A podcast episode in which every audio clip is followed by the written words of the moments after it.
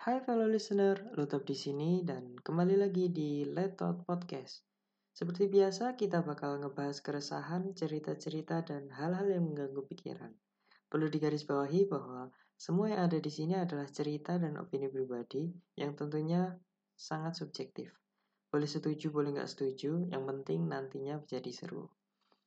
Uh, kayaknya udah lama ya aku nggak rekaman podcast kayaknya terakhir itu minggu kemarin kalau nggak salah.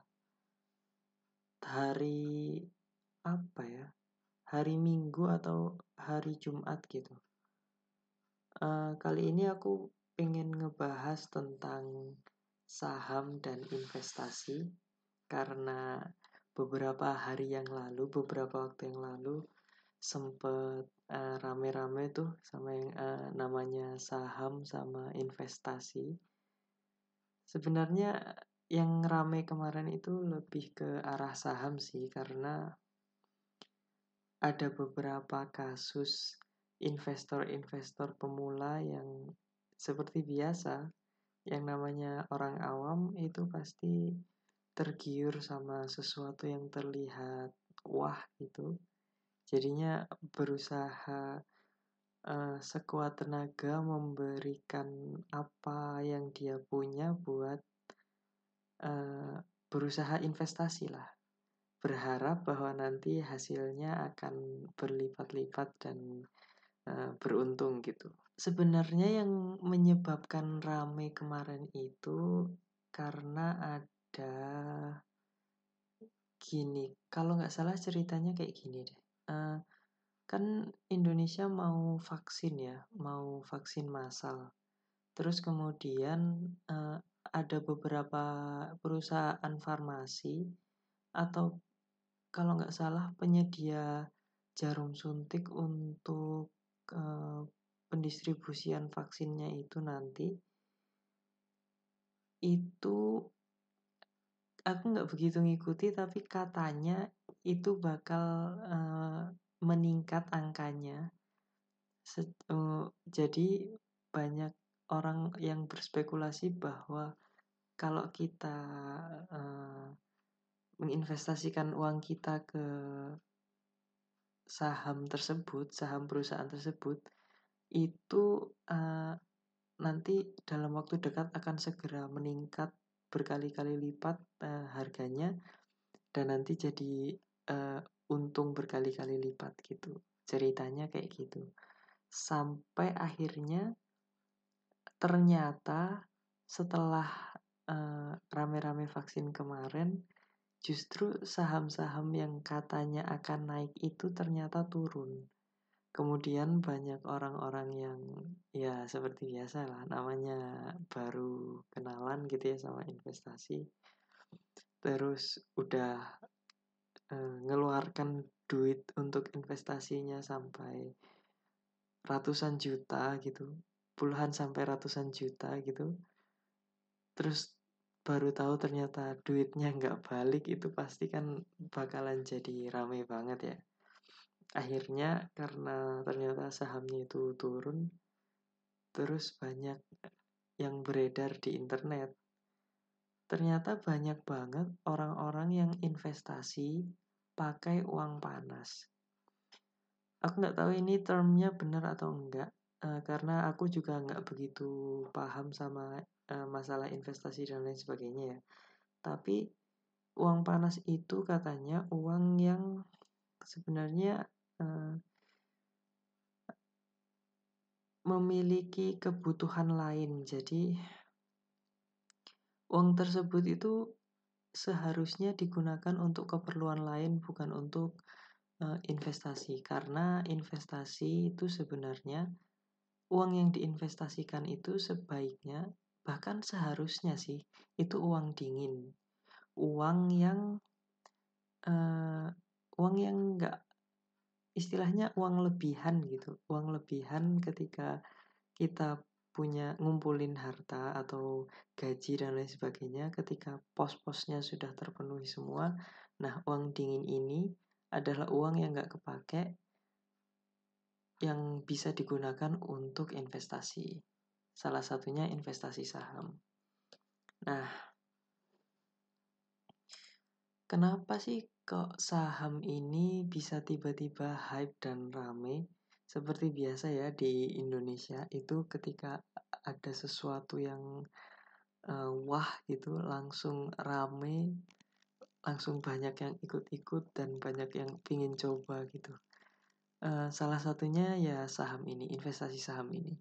Sebenarnya uh, investasi saham ini itu rame-ramenya itu sudah mulai ketika beberapa influencer itu um, berusaha menginfluence masyarakat untuk uh, menabung saham. Mungkin karena juga uh, semakin tahun semakin terbuka yang namanya informasi tentang investasi, terutama investasi saham dan makin banyak sekuritas-sekuritas jasa-jasa sekuritas yang uh, bikin lebih mudah lagi buat uh, saham untuk investasi saham jadinya makin banyak orang yang terjun ke investasi saham.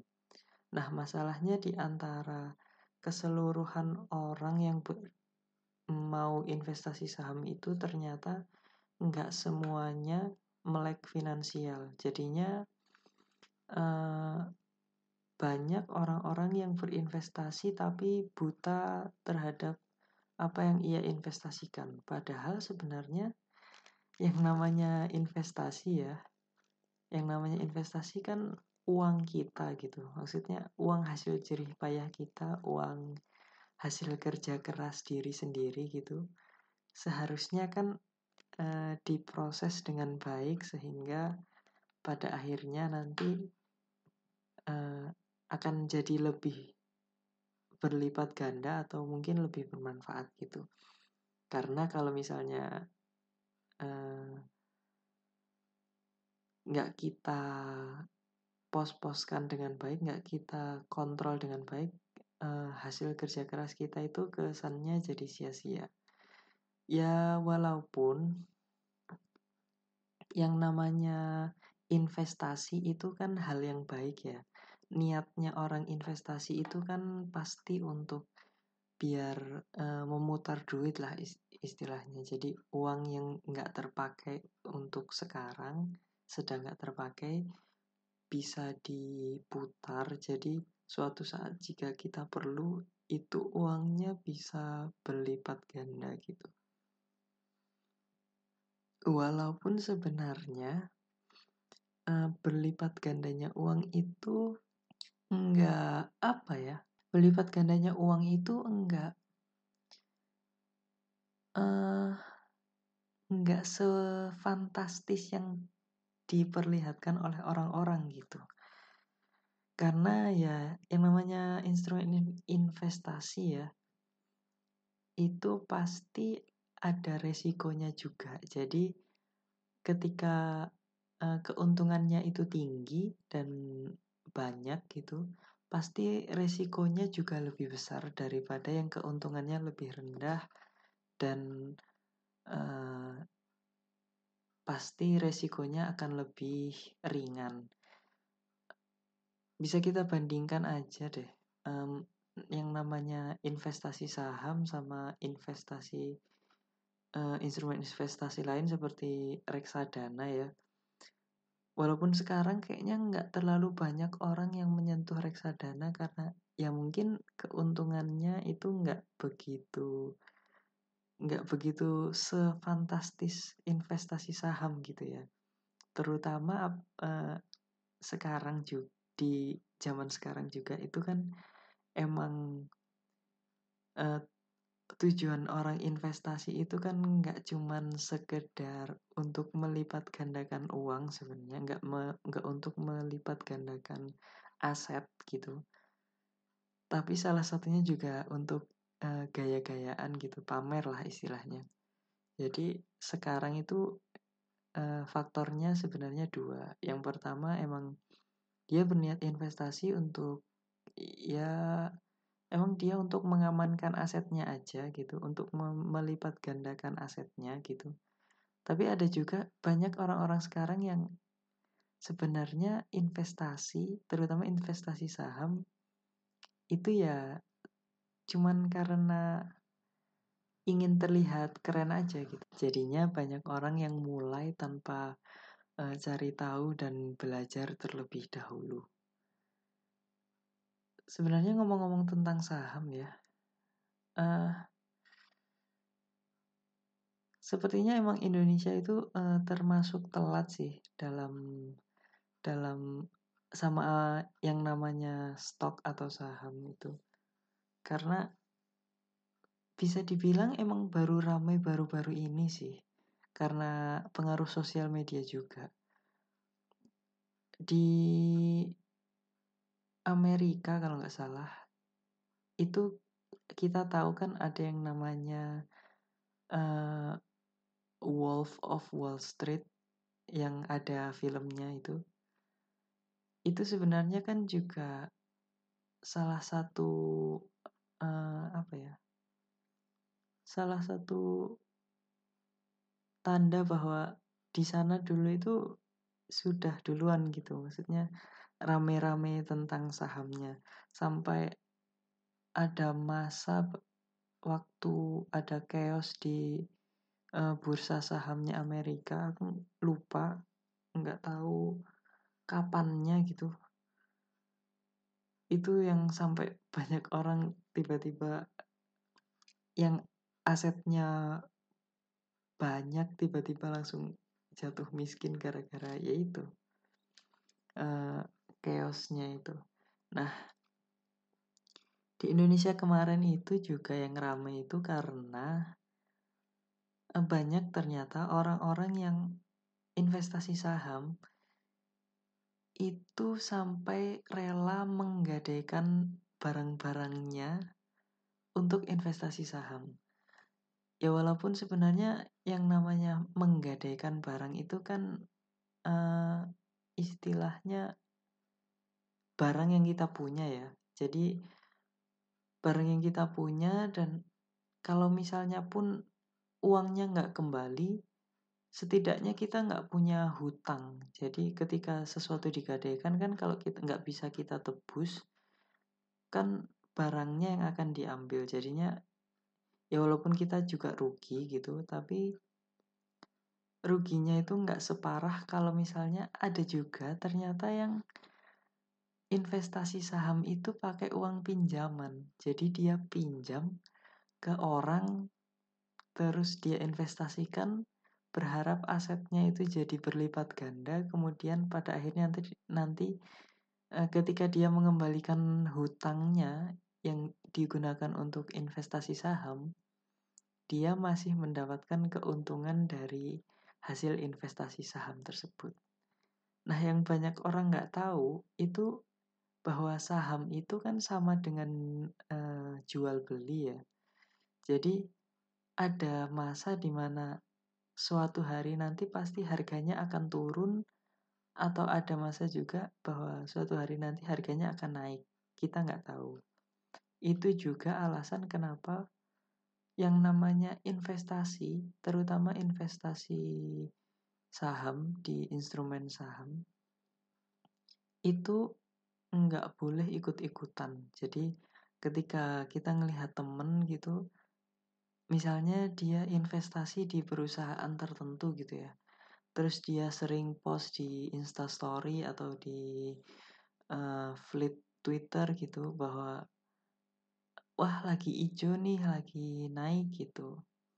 Terus kita berusaha, wah kayaknya menarik kalau misalnya kita investasi di sana gitu. Terus kita ikut-ikutan tanpa tahu uh, laporan keuangan dari perusahaan tersebut. Terus prediksi ke depannya kira-kira akan bagaimana keuangannya dan lain sebagainya. Apakah uh, laporan keuangannya itu sehat dan lain sebagainya nggak kita pikirkan padahal ketika nanti kita ternyata rugi dalam uh, investasi saham tersebut kita juga nggak bisa menyalahkan orang yang kita ikuti uh, sahamnya dia beli ke mana gitu kan karena sebenarnya kan kita yang ikut-ikut gitu jadinya sebenarnya kita yang salah juga gitu kan. Terus kemudian uh, kenapa juga kenapa banyak juga orang yang terburu-buru sekarang ini terburu-buru buat investasi saham gitu. Ya karena tadi yang yang udah kita bahas sebelumnya bahwa selain orang mau melipat gandakan asetnya di menggunakan metode investasi gitu. Kebanyakan orang sekarang juga pengen gaya aja, pengen ngerasa keren gitu karena dia punya uh, aset di perusahaan tertentu dalam bentuk uh, surat saham gitu. Nah, ini juga yang menyebabkan ada yang namanya fear of missing out. Jadi karena dia takut ketinggalan trennya gitu, jadi dia terburu-buru pengen ah gimana ya caranya ini biar kita bisa ikut-ikutan investasi saham. Nah, karena dia nggak punya uang dingin, karena mungkin uh, financial planningnya juga kurang tertata gitu ya jadi uh, akhirnya dia menggadaikan sesuatu atau minjem sesuatu hanya untuk mendapatkan uh, aset dalam bentuk kertas saham gitu. Uh, surat saham maksudnya. Nah itu sebenarnya kan bukan sesuatu yang baik ya. Uh, itu juga jadi salah satu uh, salah satu pembelajaran juga buat para invest uh, influencer-influencer yang menginfluence orang untuk belajar untuk uh, menginvestasikan asetnya ke saham gitu. Untuk memberitahu juga bahwa sebelum terjun ke saham ke investasi dalam bentuk saham itu banyak banget hal-hal yang harus dipelajari gitu. Jadi nggak serta-merta kita bisa sambil jalan sambil belajar itu nggak bisa karena yang namanya aset itu kan uh, salah satu sesuatu yang penting ya. Jadi kalau kita masukkan sambil belajar gitu ketika sesuatu suatu hari ada yang salah kita mengorbankan aset kita. Jadinya lebih baik sebenarnya kan eh, kita belajar dulu sampai cukup paham lah paling enggak untuk terjun ke dalam investasi dalam bentuk saham. Juga ketika kita investasi juga itu sebaiknya uang yang kita investasikan itu uang uang dingin. Nah, sebenarnya sebelum investasi juga ada satu hal yang perlu dipelajari seorang investor sebelum berinvestasi, yaitu adalah uh, financial planning. Jadi, ketika uh, perencanaan finansial kita aja masih berantakan gitu, kayaknya untuk berinvestasi itu masih terlalu jauh ya. Karena aset harta kita yang akan kita investasikan itu kan bentuknya jadi nggak jelas karena uh, perencanaan keuangan kita berantakan. Kita nggak tahu uh, posnya ini digunakan untuk ke keperluan sehari-hari atau uh, digunakan untuk dana darurat mungkin atau untuk biaya apa, biaya kuliah dan lain sebagainya. Atau kalau udah punya anak mungkin jadi biaya sekolah, eh, SPP, biaya eh, untuk ngasih uang jajan anak dan lain sebagainya. Nah, ketika kita sudah selesai di financial planning, mungkin kita udah satu langkah lebih maju untuk uh, menuju ke investasi gitu. Aku sendiri ketika rame-rame saham, udah pada investasi saham gitu, aku sendiri masih berusaha untuk mempelajari sampai sekarang gimana cara kerjanya, apa yang dibutuhkan, terus bagaimana cara membaca laporan keuangan perusahaan kalau misalnya kita ingin berinvestasi saham gitu ya.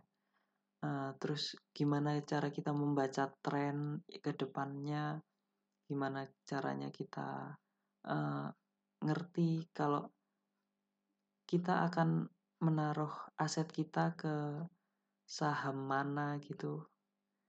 Itu masih banyak banget yang harus dipelajari ya walaupun beberapa halnya itu uh, bisa dipelajari sambil jalan tapi aku ngerasa masih banyak eh, hal-hal uh, yang harus dipelajari gitu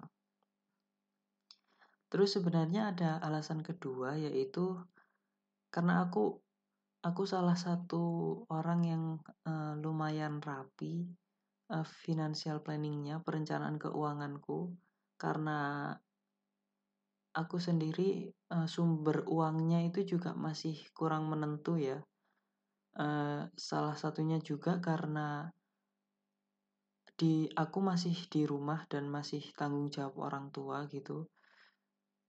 Uh, jadi rasa-rasanya untuk berinvestasi saham itu masih uh, kurang cocok. Walaupun aku ingin segera memulai sih karena uh, sebagian besar uangku itu juga masih pemberian orang tua walaupun sedikit-sedikitnya udah ada yang mulai uh, aku dapat dari hasil kerja sendiri gitu. Tapi kayaknya sebagian besarnya juga masih uh, dari orang tua. Dan menurut pos pos-pos keuanganku gitu uh, perencanaan keuanganku, perencanaan finansialku itu sampai sekarang uh, yang namanya uang dingin itu belum ada. Jadi kayaknya untuk berinvestasi itu masih uh, lumayan jauh. Ya itu itu tadi sebenarnya. Karena aku sendiri nggak merasa apa ya fear of missing out gitu. Jadi aku nggak nggak takut ketinggalan tren gitu karena ya sampai kapan pun yang namanya instrumen investasi itu kan ya akan sama aja gitu mau sekarang mau nanti uh, kalau misalnya kita udah lebih siap nanti kenapa enggak gitu kan?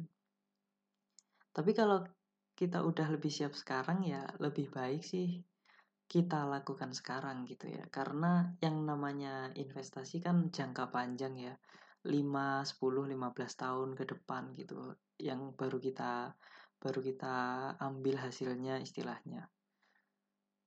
Nah, karena ya keuangan uh, financial planning di aku sendiri kan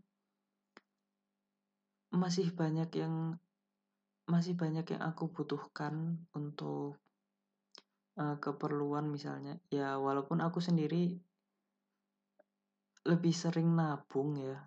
Karena untuk investasi itu kan investasi itu kan perlu uang dingin yang enggak kita apa-apain. Nah, kalau nabung sendiri atau saving bukan invest itu kan uangnya sewaktu-waktu ketika akan digunakan itu bisa lebih lebih mudah istilahnya lah ngambilnya gitu nggak perlu uh, jual dulu atau gimana kayak di saham gitu.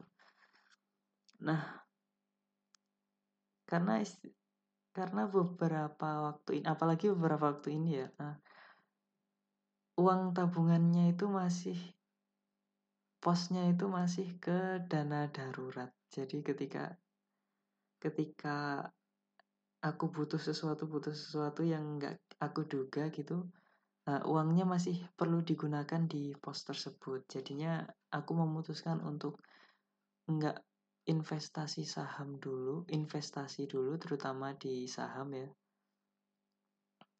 Uh, sampai ketika aku benar-benar siap buat investasi.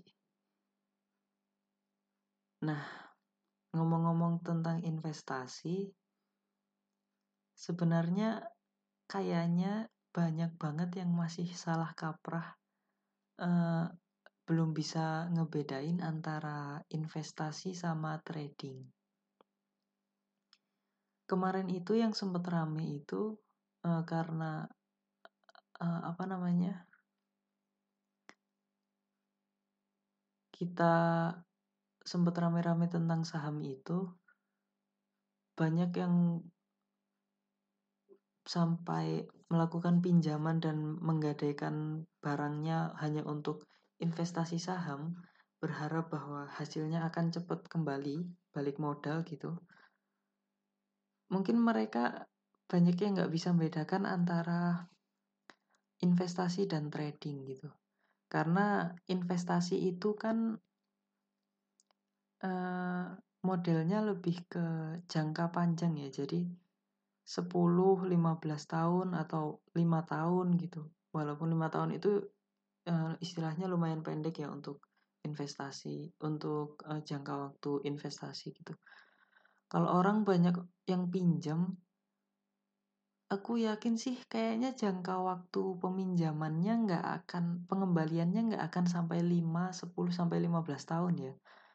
Uh, terutama yang ratusan juta gitu kayaknya mereka mikirnya juga uh, hasil hasilnya itu juga akan segera mengganda dalam waktu dekat. Jadi bisa dibilang kalau banyak orang masih belum bisa membedakan antara trading dan uh, investasi. Salah satu salah satu tandanya juga itu ketika kita kita ngelihat uh, banyak instastory ya banyak instastory mulai kan sekarang banyak tuh instastory yang dia nge-snap dia nge-SS-in uh, apa namanya laporan sahamnya itu naik atau turun uh, hijau atau merah gitu kan. Uh, aku sendiri mikir sih kalau yang namanya investasi ya karena jangka panjang uh, naik setiap hari itu nggak perlu begitu diperhatikan gitu karena karena ya yang namanya pasar itu pasti kan naik turun ya. Itu sebenarnya kan nggak perlu diperhat nggak perlu terlalu diperhatikan ya. Uh, nggak perlu terlalu diperhatikan hariannya gitu. Karena uh, kalau di investasi itu nggak akan terlalu berefek gitu kan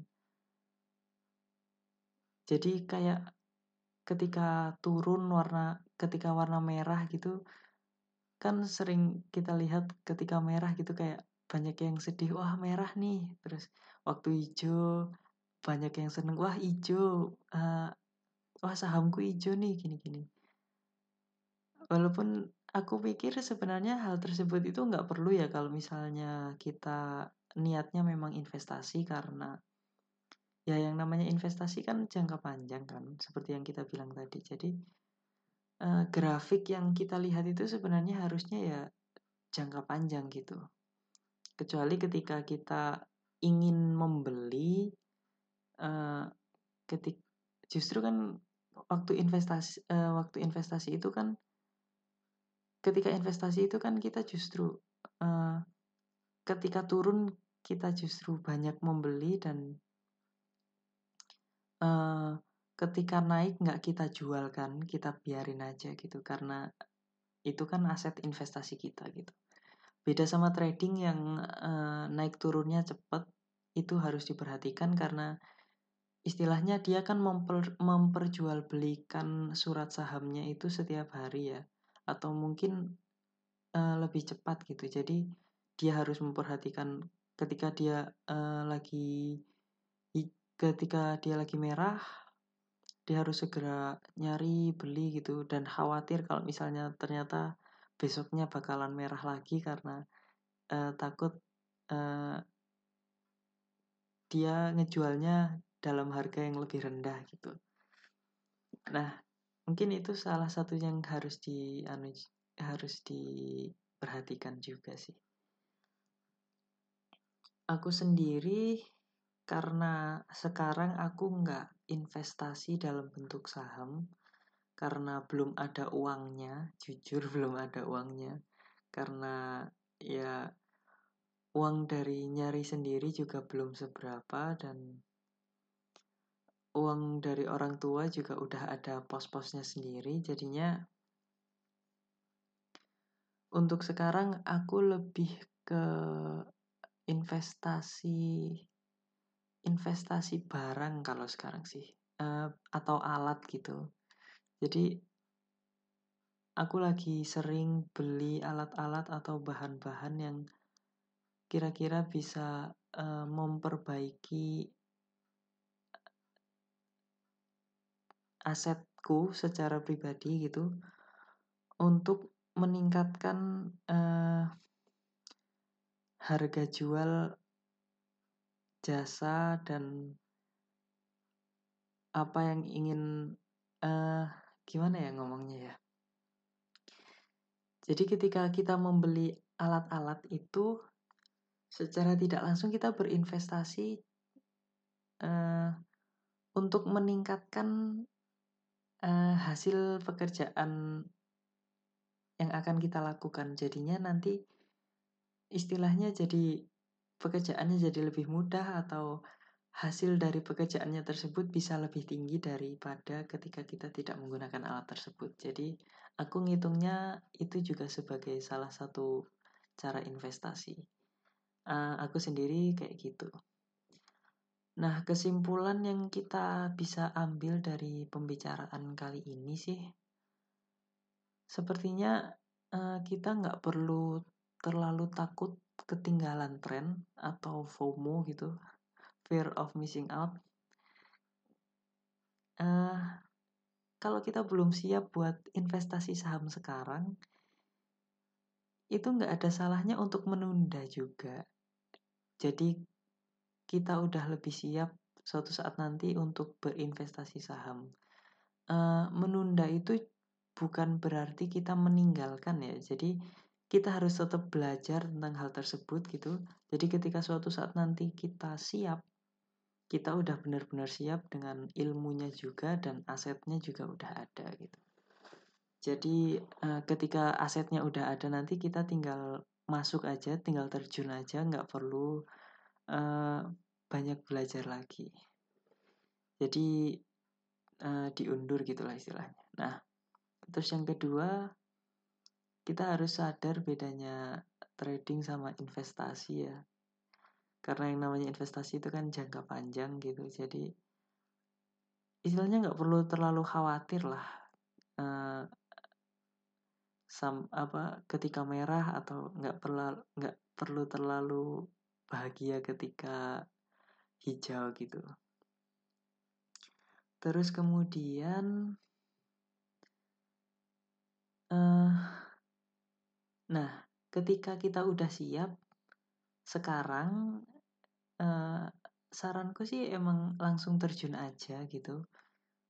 Dengan syarat kita udah mengerti dan udah belajar tentang instrumen investasi tersebut gitu ya entah kita akan uh, menginvestasikan aset kita ke reksadana atau uh, mungkin obligasi atau surat saham gitu.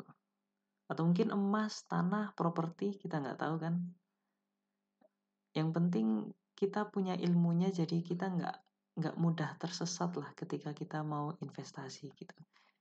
Kita juga harus lebih berhati-hati sama aset kita karena uang itu hasil jerih payah kita ya. Jadi kita nggak mau dengan mudahnya uh, melepaskan itu jadi sia-sia gitu uh, paling nggak perlu perencanaan yang baik yaitu ya financial planning yang bagus gitu baru kita terjun ke dunia investasi terus yang terakhir perlu diingat bahwa di investasi itu ada yang namanya uh, high risk high return.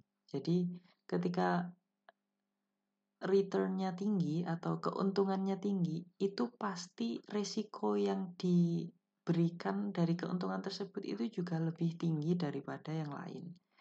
Jadi kemungkinan untuk terperosoknya itu juga lebih besar daripada yang uh, lebih rendah uh, returnnya. Jadi kita harus lebih berhati-hati dan lebih menghitung-hitunglah ketika kita akan berinvestasi. Uh, karena oh iya, ada satu lagi yang perlu uh, aku kasih tahu. Jangan lupa ketika investasi itu harus kita sesuaikan sama profil resiko kita. Uh, karena ketika kita menyesuaikan uh, instrumen investasi dengan profil resiko kita, uh, kita jadi lebih apa ya?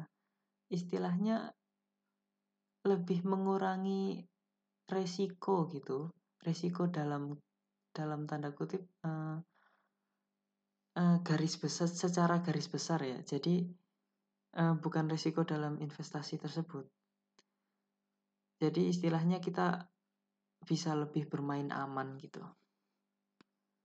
Mungkin di episode podcast kali ini cukup sekian aja karena kayaknya ini udah lumayan panjang dan udah nggak ada lagi yang perlu dibicarakan tentang saham, investasi, trading, uh, dan se yang sedang viral beberapa waktu ini gitu.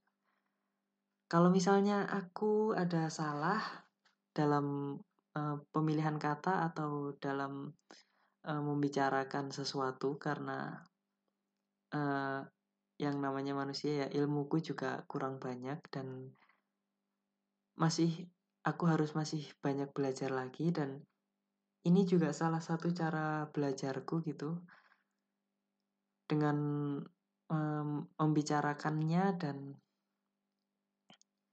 uh, mendengarkannya kembali itu juga salah satu metode belajarku dan ini juga aku dalam proses belajar uh, untuk berbicara di depan umum. Jadinya uh, ketika ada salah mohon dimaafkan. Uh, mungkin cukup sekian aja. Lute pamit. Ciao